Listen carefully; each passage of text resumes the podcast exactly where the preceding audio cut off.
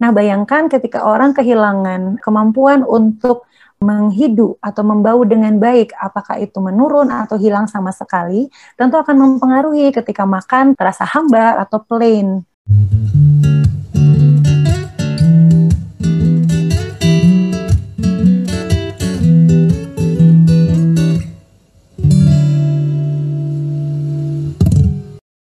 Relatif Perspektif Podcast adalah podcast yang bertujuan menjadi jembatan agar masyarakat luas paham akan isu kesehatan. Visi kami supaya kesehatan tidak lagi eksklusif hanya dibicarakan mereka yang menggeluti profesi sebagai tenaga medis saja. Episode baru akan terbit setiap hari Minggu. Temukan kami lebih jauh di Instagram dan Twitter @relativepers. Perkenalkan, saya Aji Mutiah Nur Azizah, seorang mahasiswa kedokteran dan pemerhati isu kesehatan yang akan memandu jalannya podcast kali ini. Dengarkan sampai selesai karena di setiap episode akan ada rekomendasi film dan buku dari kami. Halo, ketemu lagi di Relatif Perspektif Podcast bersama saya Aji Mutiah Nur Azizah yang akrab disapa Cica. Pandemi COVID-19 belum usai, setiap orang, baik mereka yang belum pernah terpapar maupun penyintas COVID-19, masih harus menjaga diri dan keluarga dari penyakit yang telah membunuh jutaan orang ini. Karena ternyata ada sebuah gejala dari COVID-19 yang menetap, yaitu beberapa minggu sampai beberapa bulan yang dikenal dengan long COVID-19 atau long COVID-19. Banyak sekali pasien di luar sana yang mengalami long COVID-19 ini dan akhirnya mereka menderita suatu kondisi yang sangat mengganggu kehidupan sehari-hari mereka, yaitu gangguan penghidupan atau penciuman. Nah, salah seorang teman saya nih pernah bercerita, bahkan dia tidak bisa lagi mencium bau yang sedap dari makanan yang akan dia santap. Dia merasa bahkan pernah ya mencium bau busuk dari makanan yang padahal baru aja nih dia masak. Nah, itu kan cukup mengganggu dan mengejutkan ya bagi saya ketika mendengar cerita tersebut. Nah, seperti apa sih long COVID-19 dan gangguan penciuman atau penghidu yang dapat muncul? Kita akan bahas lebih lanjut dengan salah seorang ahli di bidangnya, yaitu Dr. Feruca Maulanda, spesialis ilmu telinga, hidung, tenggorok, dan bedah kepala leher yang akrab disapa Dr. Uca. Dr. Uca ini berpraktek di RSCM, Rumah Sakit THT Proklamasi, dan Rumah Sakit Yarsi. Halo Dr. Uca, bagaimana kabarnya? Sehat-sehat ya dok? Halo Cica, Assalamualaikum semuanya. Waalaikumsalam. Sehat-sehat dok? Alhamdulillah sehat. Cica, gimana kabarnya? Alhamdulillah baik-baik juga dok. Dokter Uca, ini kita mau ngebahas tentang cerita tadi saya dok tentang long COVID-19 dan juga adanya kondisi penyakit yang memanjang ini dok dari COVID-19. Sebenarnya apa sih dok kondisi ini dan mengapa hal ini tuh bisa terjadi pada sebagian orang gitu dok? Iya, memang ya sangat menarik ya Cica sejak pandemi dimulai pada awal tahun 2020 dan di Indonesia itu kan kasus pertama bulan Maret 2020 memang sangat banyak sekali hal-hal yang baru kita ketahui kemudian seiring berjalannya waktu pandemi kita lalui, kita menemukan ada lagi hal-hal yang baru dan kebaruan yang lainnya yang menjadi ruang terbuka untuk dieksplor baik itu oleh tenaga kesehatan ataupun oleh researcher-researcher di Indonesia ataupun di seluruh dunia. Salah satunya memang yang termasuk lagi hits juga adalah long COVID 19. Nah, sebenarnya yang menarik ya kalau dari yang saya baca tentang long COVID-19 ini merupakan gejala-gejala yang ditemukannya itu dari sosial media awalnya, Cica. Oh gitu dok, jadi awalnya iya. malah justru munculnya terdengar dari sosial media dok?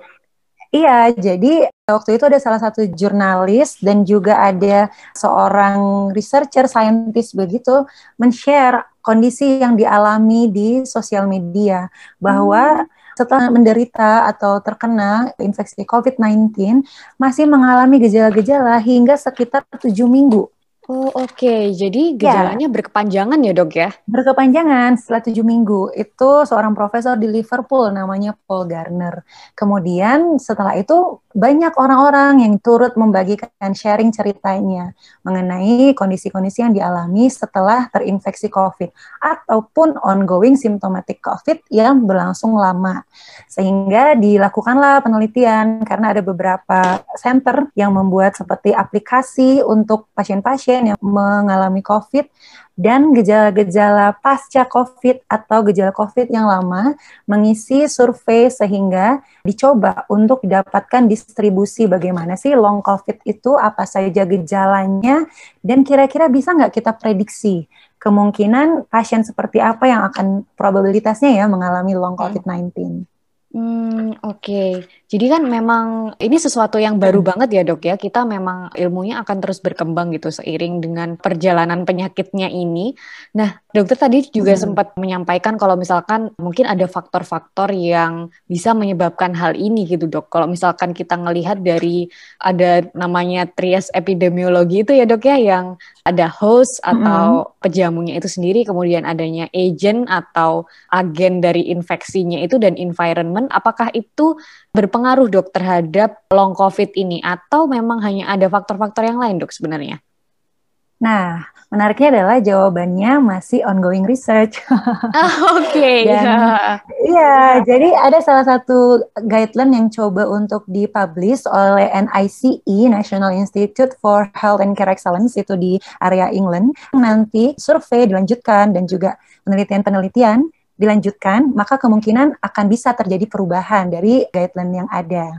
Untuk sementara memang pengertian dari long COVID menurut NICE itu ada dua kondisi. Pertama adalah ongoing symptomatic COVID-19 yang berlangsung selama 4 sampai 12 minggu semenjak timbulnya gejala akut atau onset gejala. Dan yang kedua adanya post COVID syndrome telah negatif untuk pemeriksaan COVID-19, tapi gejala-gejala masih dialami bahkan hingga lebih dari 12 minggu. Dikatakan memang kondisi ini dapat terjadi pada sekitar 10% pasien. Gejala-gejalanya macam-macam, mulai dari sesak nafas atau dada terasa seperti berat, kemudian yang paling sering juga adalah rasa fatik atau capek itu hmm. dapat terjadi secara terus-menerus, sekitar 97,7 persen dari jurnal yang saya baca. Kemudian sakit kepala itu bisa terjadi sekitar 91,2 persen. Nah, sakit kepala ini sifatnya masih intermittent, jadi bisa hilang timbul. Namun cukup sering juga dikeluhkan oleh pasien-pasien yang mengalami long COVID. Kemudian juga dapat terjadi gangguan penghidu. Nah, yang berkaitan dengan area THT ya, hmm. ada gangguan penghidu. Lalu juga bisa terjadi lower respiratory symptoms dan juga upper respiratory symptoms atau gejala-gejala saluran napas atas seperti radang tenggorok, batuk-batuk, seperti itu. Oke, jadi long COVID itu tadi terbagi menjadi dua ya dok ya. Ada yang gejalanya ini masih berjalan gitu ya, yang hmm. ongoing itu tadi dok. Kemudian yang kedua adalah yang post COVID itu. Jadi setelah dinyatakan negatif tapi ternyata masih ada gejalanya gitu ya dok ya? Iya, sampai lebih dari 12 minggu. I see. Oke, okay, oke. Okay. Jadi ini juga masih terus berjalan penelitiannya. Ya, benar ya, sekali. Oke. Okay. Menarik dok tadi tentang yang gangguan penghiduan ini karena kita juga ngobrolnya ini sama dokter Uca sebagai yang ahli di THT ya dok ya. Nah sesuai cerita teman saya tadi nih dok, dia kan mengeluhkan gangguan penciuman atau penghidu yang dia alamin. Nah, bener nggak sih dok? Kalau hmm. gangguan itu tuh merupakan salah satu gejala yang memang sering kali muncul gitu.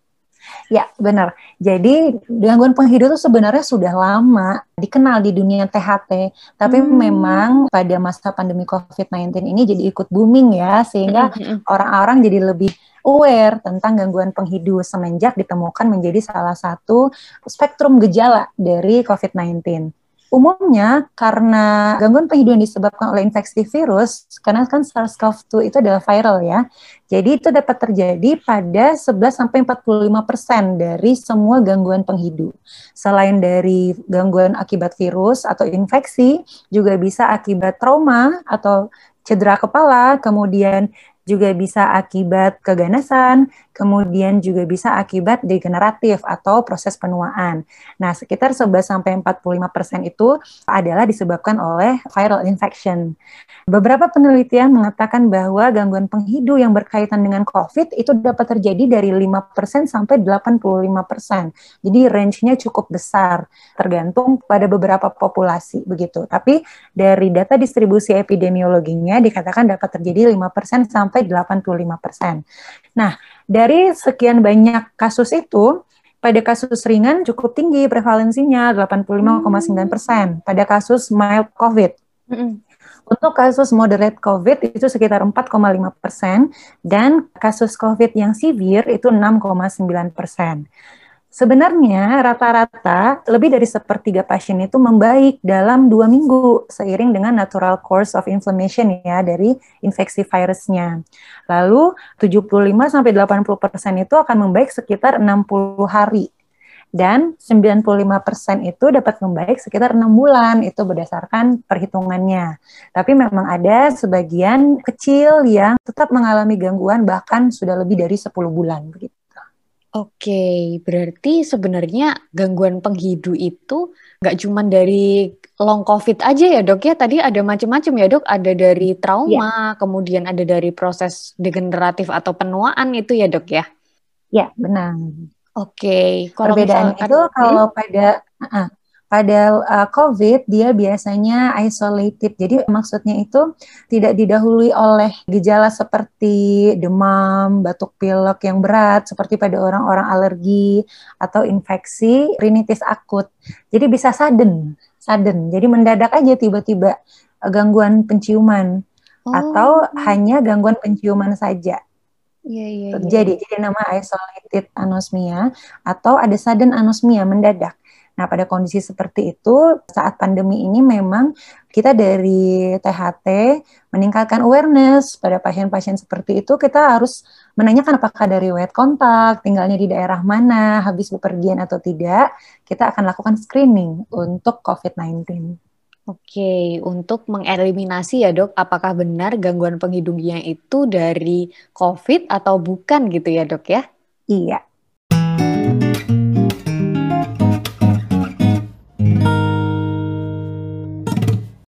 Kalau misalkan kita ngomongin gangguan penghidu itu sendiri kan, kalau misalkan kita dengar dari orang-orang itu kan mungkin ada yang mengeluhkan dia itu kurang bisa membau, ada yang tidak bisa membau sama sekali, ada juga yang hmm. membau sesuatu yang salah, misalkan bau roti tapi dia ternyata jadinya bau busuk gitu dok.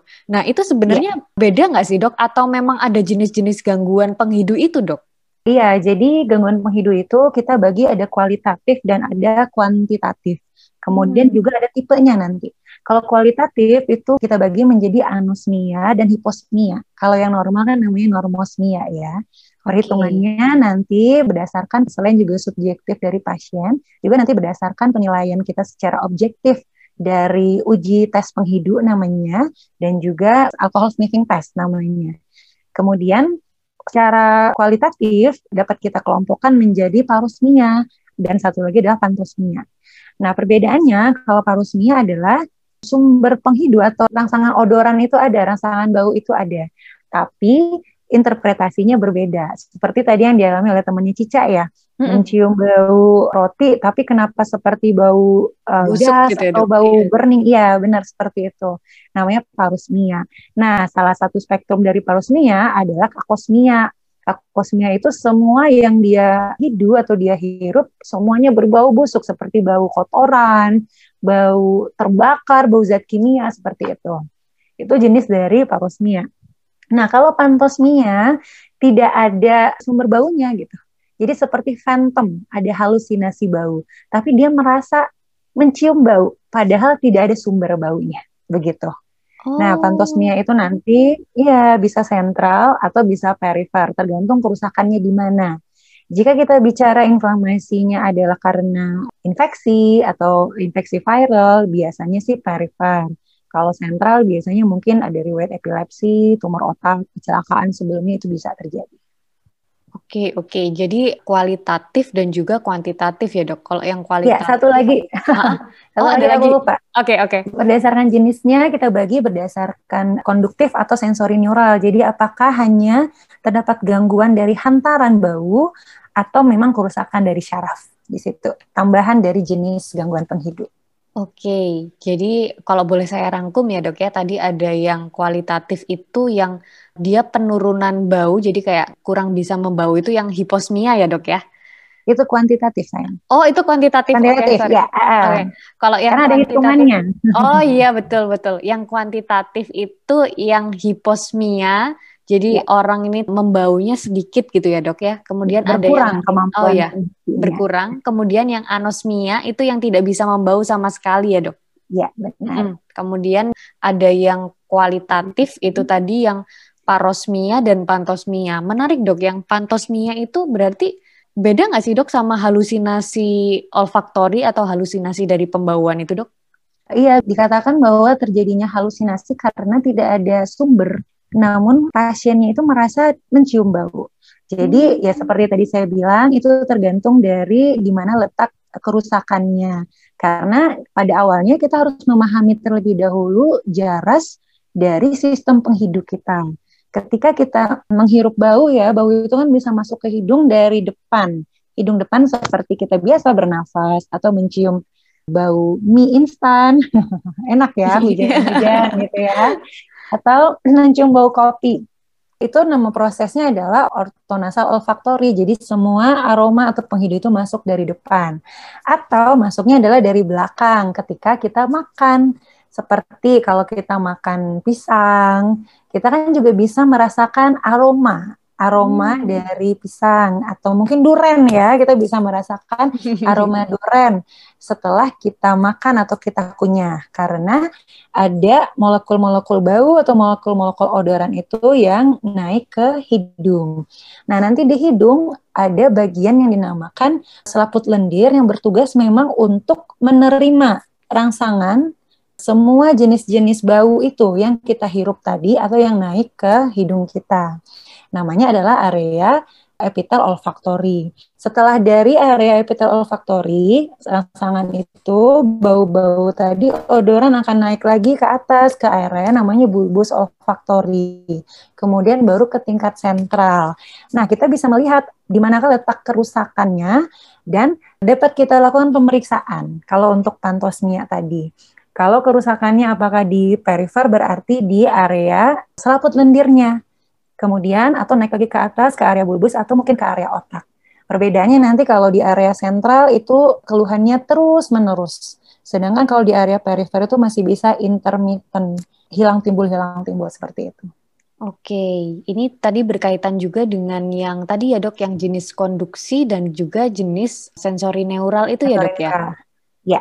Oke, oke. Jadi perjalanan proses kita membau sesuatu itu sangat panjang ya dok sebenarnya? Iya, jadi dikatakan bahwa we smell with our brain karena jaras penghidu itu dia langsung menuju otak.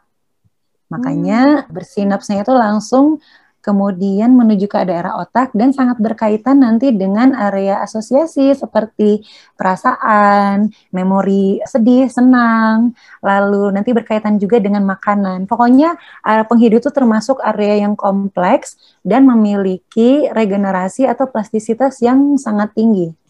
Oke, menarik dok. Tadi ada hubungannya juga sama perasaan senang, perasaan sedih gitu ya dok ya. Kalau saya Ya. ingat-ingat juga nih dok, misalkan kita lagi di jalan nih, terus abis itu ngebau tiba-tiba kayak kok kayak ada bau mie instan ya gitu. Nah itu kok bisa ya dok secepat itu? Itu karena letaknya itu tadi dok di otak Iya. gitu dok. Iya, jadi sebenarnya untuk proses kita ya, Cica bisa mengenali suatu bau itu perjalanannya cukup panjang, dimulai dari kita dalam kandungan. Jadi dipengaruhi oleh pola makan dari ibu. Kemudian ketika kita lahir diberikan ASI, lalu MPASI, kemudian belajar makan bersama dengan keluarga, juga aktivitas-aktivitas yang berkaitan dengan emosi pada saat itu, sehingga akan membuat memori yang cukup kuat. Contohnya kalau ada yang terbiasa pada saat hujan di sore hari ngeteh bersama orang-orang terdekat, mungkin suatu waktu ketika dia lagi sedih, tiba-tiba turun hujan, kemudian ada bau rumput yang basah, lalu ada wangi teh itu bisa membangkitkan memori. Jadi memang area olfaktori itu sangat berkaitan dengan berbagai area asosiasi yang lainnya. Nah, nanti proses ini yang akan kita manfaatkan untuk melakukan training atau latihan pada pasien-pasien yang masih mengalami gangguan penghidu. Apakah itu pasca COVID ataupun gangguan penghidu lainnya yang terjadi sebelum pandemi COVID. Oh, oke. Okay. Jadi memang sangat berkaitan ya, Dok ya. Dan itu nantinya akan berguna juga untuk latihan itu tadi ya, Dok. Oke, mungkin kita boleh bahas nanti, Dok, itu latihannya ya, Dok ya. Iya, boleh, boleh. Oke, dok, ini kita balik lagi tentang gangguan penghidu itu tadi, dok. Kalau misalkan nih, tadi dokter cerita juga kalau misalkan ketika kita membau, itu ada yang proses dari depan dan ada proses dari belakang ya, dok. Berarti ketika kita makan, itu sebenarnya kita juga merasakan aroma-aroma itu gitu misalkan. Nah, berarti kan itu juga nanti bisa mempersepsikan rasa dan juga membantu kayak selera makan kita. Nah, kalau misalkan seperti itu, berarti gangguan penghidup itu nantinya bisa berpengaruh besar ya dok terhadap kualitas hidup seseorang? Iya, tentu saja. Ada sebuah penelitian tentang flavor, jadi rasa. Jadi flavor itu kan ketika kita makan kita mengatakan bahwa ini cita rasanya enak, ini cita rasanya sedap, ini lezat dan berkaitan dengan kepuasan atau satisfaction dan satiety ya. Lalu berkaitan juga nanti dengan pola diet seseorang. Nah, dalam flavor itu terdapat beberapa unsur, ada taste dan juga ada olfactory bau atau penghidu sehingga dapat menciptakan aroma yang kuat karena proses asosiasinya nanti ada di otak. Nah, bayangkan ketika orang kehilangan kemampuan untuk menghidu atau membau dengan baik, apakah itu menurun atau hilang sama sekali, tentu akan mempengaruhi ketika makan terasa hambar atau plain. Lalu yang paling bahaya adalah fungsi olfaktori itu sebagai warning sign ketika kita berada di lingkungan yang berbahaya, apakah ada kebakaran atau bau-bau yang harus memberikan warning kepada kita untuk lari atau menyelamatkan diri. Jadi akan sangat mengganggu baik itu dalam aktivitas sehari-hari ataupun dalam fungsi proteksi nanti di kehidupan sehari-hari. Oke, sangat penting ya dok ternyata organ penghidupan kita ini terhadap kualitas hidup ya dok ya? Iya, tentu saja. Oke, siap-siap dok. Nah, sekiranya dok kalau misalkan kita ngomongin tentang gangguan-gangguan tadi, itu ada nggak sih dok upaya untuk mencegah terjadinya gangguan ini? Misalkan ada orang yang, kalau misalkan COVID kan kita nggak pernah tahu ya dok, sudden gitu ya, tapi ada nggak sih dok kayak pencegahannya gitu? Ya, kalau yang paling penting memang ketika pandemi adalah menerapkan yang 5M ya. Dan kita memang harus selalu memakai masker dan ingat dari mana jalan masuknya eh, virus itu ke dalam tubuh kita untuk menghindari terinfeksi. Selanjutnya, kita ketahui bahwa salah satu route of infectionnya adalah hidung. Makanya kita harus rajin membersihkan hidung.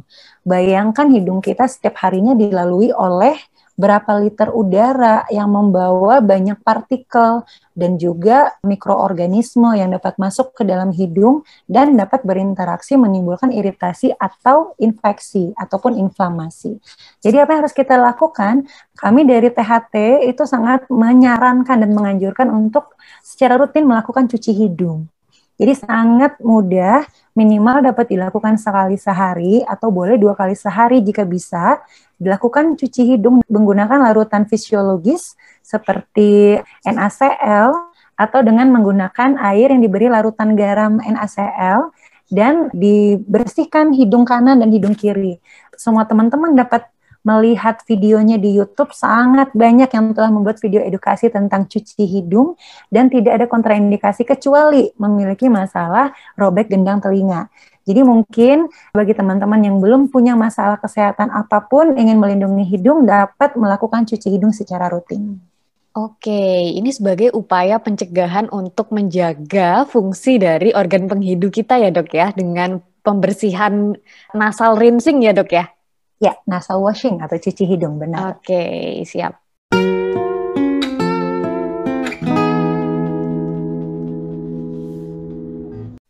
Nah, ini dok, kalau misalkan itu kan ketika kita mencegah. Nah, kalau misalkan ternyata sudah terjadi nih dok, bisa nggak sih dok ternyata hmm. ditangani gitu? Adakah kemungkinan untuk sembuh seperti sedia kala dan bisa mencium aroma sedap yang kita idam-idamkan dari makanan ataupun aroma wangi lainnya gitu dok? Mungkin dari latihan itu tadi ya dok, atau ada cara lain dok untuk menanganinya itu? Iya, karena kita harus tahu patofisiologi atau apa yang mendasari dari keluhan yang kita alami. Jadi kalau misalnya gangguan penghidunya berkaitan dengan COVID, tentu tata laksananya adalah tata laksana COVID, obat-obatan, vitamin, kemudian peningkatan daya tahan tubuh itu tetap kita lakukan karena sesuai dengan underlying cause-nya. Nah, untuk gangguan penghidup sendiri memang dikatakan lebih dari sepertiga pasien itu akan membaik dalam dua minggu. Dari perhimpunan THT kita tetap menganjurkan untuk secara rutin melakukan cuci hidung. Asalkan dilakukan dengan benar air yang mengalir dari lubang hidung kanan ke kiri dan begitu juga sebaliknya akan membantu untuk membersihkan area selaput lendir hidung kita. Sehingga kita harapkan nanti inflamasinya ketika mereda juga selaput lendirnya akan segera membaik. Kemudian, jika kondisi masih berlanjut, bahkan lebih dari dua minggu, maka dapat kita sarankan penggunaan seperti semprot steroid intranasal dan latihan penghidu dapat kita mulai. Oke, jadi sebenarnya tetap kembali ke protokol dari COVID itu penanganannya ya dok ya, kemudian juga tetap nanti menangani untuk yang keluhan hidungnya itu, kemudian yang menarik yang latihan tadi dok, yang latihan itu gimana sih dok sebenarnya? Iya, jadi latihan penghidu itu sebenarnya Cica sangat gampang ya untuk dilakukan. Hanya saja mungkin seperti tadi kita bilang bahwa sebelum pandemi tidak terlalu aware atau dikenal oleh masyarakat karena ya mungkin dianggap ini nanti juga akan sembuh sendiri seperti itu ya. Karena kan sering ya kita alami ketika kita menderita ingus, pilek Iya, pilek biasa dengan, gitu ya dok ya? Iya, disertai dengan gangguan penghidu. Nah, kalau COVID loh, kok ini nggak sembuh-sembuh gitu? Kenapa fungsi penciuman saya tidak sempurna sembuhnya gitu kan? Jadi memang seperti tadi saya informasikan, sebenarnya jaras syaraf dari penciuman itu memiliki kemampuan plastisitas atau regenerasi yang cukup tinggi, hampir di sepanjang usia memang dikatakan akan menurun seiring dengan usia menjadi lebih lanjut, tapi masih memiliki kemampuan plasticity atau regenerasi. Asalkan dilatih, yaitu dengan latihan penghidu atau smell training atau olfactory training. Caranya ya sama seperti kita membau atau menghidu, tapi dilakukannya lebih rutin, sekitar 2-4 kali sehari. Berdasarkan protokol latihan penghidu yang ada, kita dapat menyiapkan seperti oil essence. Oil essence itu kan macam-macam ya baunya ya. Mm-hmm. Empat utama yang bisa kita pilih seperti bau lemon, mawar, cengkeh, dan eukaliptus atau minyak kayu putih. Jadi kita bisa melakukan latihan penghidup dengan menghirup selama satu menit, dua sampai empat kali sehari. Cukup gampang sebenarnya, tapi dilakukan rutin dan setiap hari. Ada yang mengatakan bisa 8 minggu, 12 minggu, tapi memang kalau yang namanya syaraf dilatih semakin lama akan semakin baik hasilnya. Oke, jadi latihan itu sebenarnya mudah sekali dan bisa kita lakukan di rumah juga ya dok ya? Bisa, sangat bisa. Tidak hanya terbatas pada essence oil, tapi misalnya di halaman kan sekarang lagi musim ya, ada tanaman hias, tanaman, bunga iya, hias, ya. Itu kan punya bau ya, punya odor, molekul odorannya. Dapat kita lakukan latihan, tapi dikerjakannya rutin 2 sampai 4 kali sehari. Kalau bosan sama mawar, besoknya ganti lagi sama bunga yang lain, itu boleh. Asalkan prinsip latihan adalah rutin dalam periode waktu tertentu. Oke, siap. Dan itu boleh dilakukan oleh orang yang sehat pun boleh ya, Dok ya? Boleh karena kalau fungsi penghidu yang baik katanya akan mencegah demensia dan pikun dini. Nah, wow, menarik sekali dong ya. iya. Wah, abis ini saya mau bau-bau mie instan lebih sering nih dok. Boleh, jadi prinsipnya adalah pleasure. Apa pun yang membuat kita happy, asalkan tidak iritatif ya atau tidak berbahaya, tidak konsentrasinya tinggi, itu sebenarnya akan sangat membantu untuk latihan dari jaras penghidup kita. Oke, siap, siap, siap. Jadi sekarang fenomena adanya essential oil di mana-mana, terus ada juga diffuser-diffuser itu ya dok ya, itu juga sangat bagus ya dok berarti? Iya, memang sih kita bisa melakukan dengan beberapa teknik ataupun beberapa pilihan. Kebetulan saya juga melakukan penelitian untuk latihan penghidu ini, Cica. Hmm. Yang saya lakukan adalah dengan konsentrat dari essential oil. Jadi tidak saya diffuse. Tapi oh, gitu. tidak masalah, kalaupun misalnya mau di diffuse kan baunya itu akan tersebar di seluruh ruangan. Jadi memang bisa untuk dihirup juga untuk melakukan latihan penghidup. Tapi nanti kan harus diisi ulang terus-menerus ya. Jadi nanti takutnya lama-lama konsentrasinya akan turun. Kalau kita menggunakan yang essential oil yang murni, kita hanya membutuhkan sekitar 4 drops atau 5 drops diletakkan dalam botol jar kecil, itu bisa bertahan dua minggu. Jadi ketika kita di luar rumah itu kita masih dapat melakukan latihan penghidu. Nah satu lagi ini Cica yang ingin saya share kepada rekan-rekan semua adalah latihan penghidu yang sangat mudah lagi untuk dilakukan dan sangat menyenangkan. Apa tuh dok? Namanya adalah retronasal olfactory training dengan cara makan. oh, jadi gimana tuh dok? Menarik sekali nih dok. ya, Uh, jadi caranya adalah seperti tadi sudah kita bahas ya bahwa jalur untuk menghidu atau mencium bau itu kan ada juga yang dari belakang atau retronasal namanya. Hmm. Dan itu bekerja sama dengan proses kita memakan. Pada hmm. waktu kita makan makanan, kita melakukan kegiatan menggigit ya. Menggigit itu akan melepaskan namanya adalah molekul-molekul bau dari makanan. Dan tentu saja yang kita pilih adalah makanan yang memiliki bau. Seperti tadi kita contohkan ada pisang mm-hmm. atau banana cake, boleh. Kan ada baunya ya, ada aromanya. Oke. Okay. Atau coklat mint, itu boleh. Jadi ada aromanya. Nah, jadi kita lakukan kegiatan menggigit untuk melepaskan aroma-aroma tadi dari zat makanannya. Kemudian setelah itu makanan yang telah lumat itu kita emut istilahnya. Jadi diemut ditekankan ke langit-langit sambil menelan pelan-pelan. Jadi jangan langsung ditelan setelah digigit.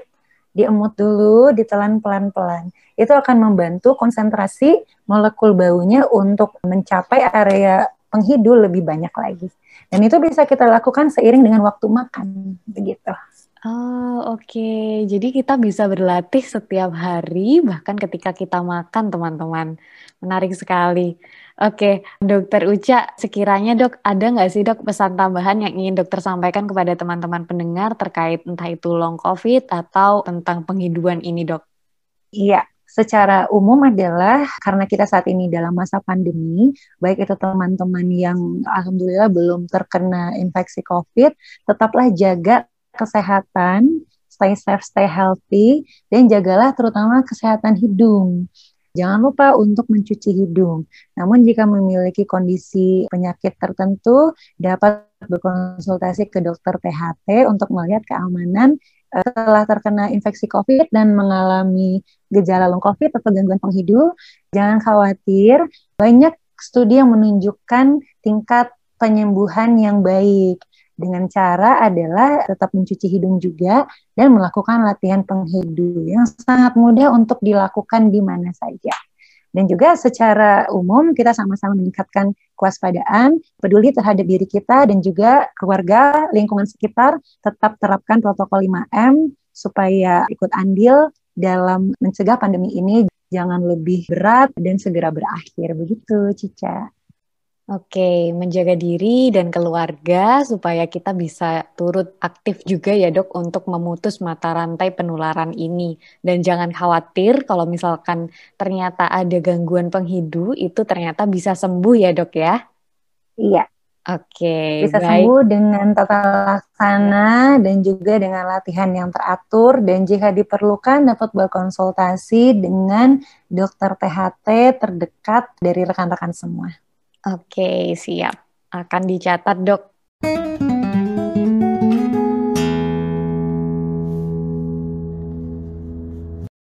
Oke, Dokter Uca, kita sudah masuk di sesi akhir diskusi kita nih, Dok. Dan di setiap episode. Ya, sayang sekali. Padahal seru banget ya dok obrolannya. Iya, di setiap episode ini kita selalu meminta rekomendasi film dan juga buku nih dok untuk teman-teman pendengar. Nah, dari dokter Uca ada nggak sih dok rekomendasi film ataupun buku gitu dok untuk teman-teman pendengar? Uh, iya, kalau film favorit saya sepanjang masa adalah Forrest Gump dan juga karena sekarang lagi musim drakor ya, drakor favorit saya Replay 19 88 ya, 1988 ya kalau nggak oh, salah. Oh iya ya. iya, yang uh, lima bersahabat itu ya dok? Ya, uh, uh, itu favorit banget dua film itu. Dan kalau untuk buku, sebenarnya sebagai seorang dokter yang long life learner ya, saya harusnya menganjurkan buku-buku kedokteran. Mungkin boleh dok buku-buku yang yang lebih ringan dok. Buku kedokteran berat semua dok. iya, tapi kalau buku favorit saya adalah Harry Potter. Oke, Harry Potter series ya dok ya? Ya, Harry Potter series. Dan buku-buku kedokteran, jangan lupa. siap, siap. Sebagai long life learner itu tadi ya dok? Iya, benar. Oke, tadi filmnya jadi ada Forrest Gump, Kemudian ada juga untuk drama Koreanya bisa nonton Reply 1988. Kemudian untuk bukunya bisa baca Harry Potter series teman-teman pendengar. Oke, okay. Dokter Uca, terima kasih banyak dok atas rekomendasi bukunya dan juga obrolan yang ternyata sangat-sangat insightful dan memberi banyak ilmu baru untuk saya dan teman-teman pendengar di luar sana. Terima kasih banyak ya dok. Sama-sama Cica, semoga bermanfaat untuk semuanya. Oke, baik dokter. Terima kasih sudah menyempatkan waktunya dan bertemu dengan relatif perspektif. Mudah-mudahan kita nantinya bisa berkolaborasi lagi ya dok dan semoga sehat selalu untuk dokter dan keluarga. Amin. Oke. Okay. Amin. Terima kasih ya Cica dan rekan-rekan semuanya. Iya, sama-sama dokter. semua. Stay Amin, amin. See you dokter. Jangan lupa, kalau kalian suka dengan episode podcast ini, follow podcast kami dan share ke teman-teman kalian yang lain, supaya mereka juga bisa mendapatkan manfaat seperti yang kalian juga dapatkan. Jangan lupa juga untuk follow Twitter dan Instagram kami di @relativepers. Di sana kalian akan mendapatkan banyak informasi kesehatan dan untuk update tentang podcast serta artikel terbaru kami. Sampai ketemu di episode berikutnya. Bye.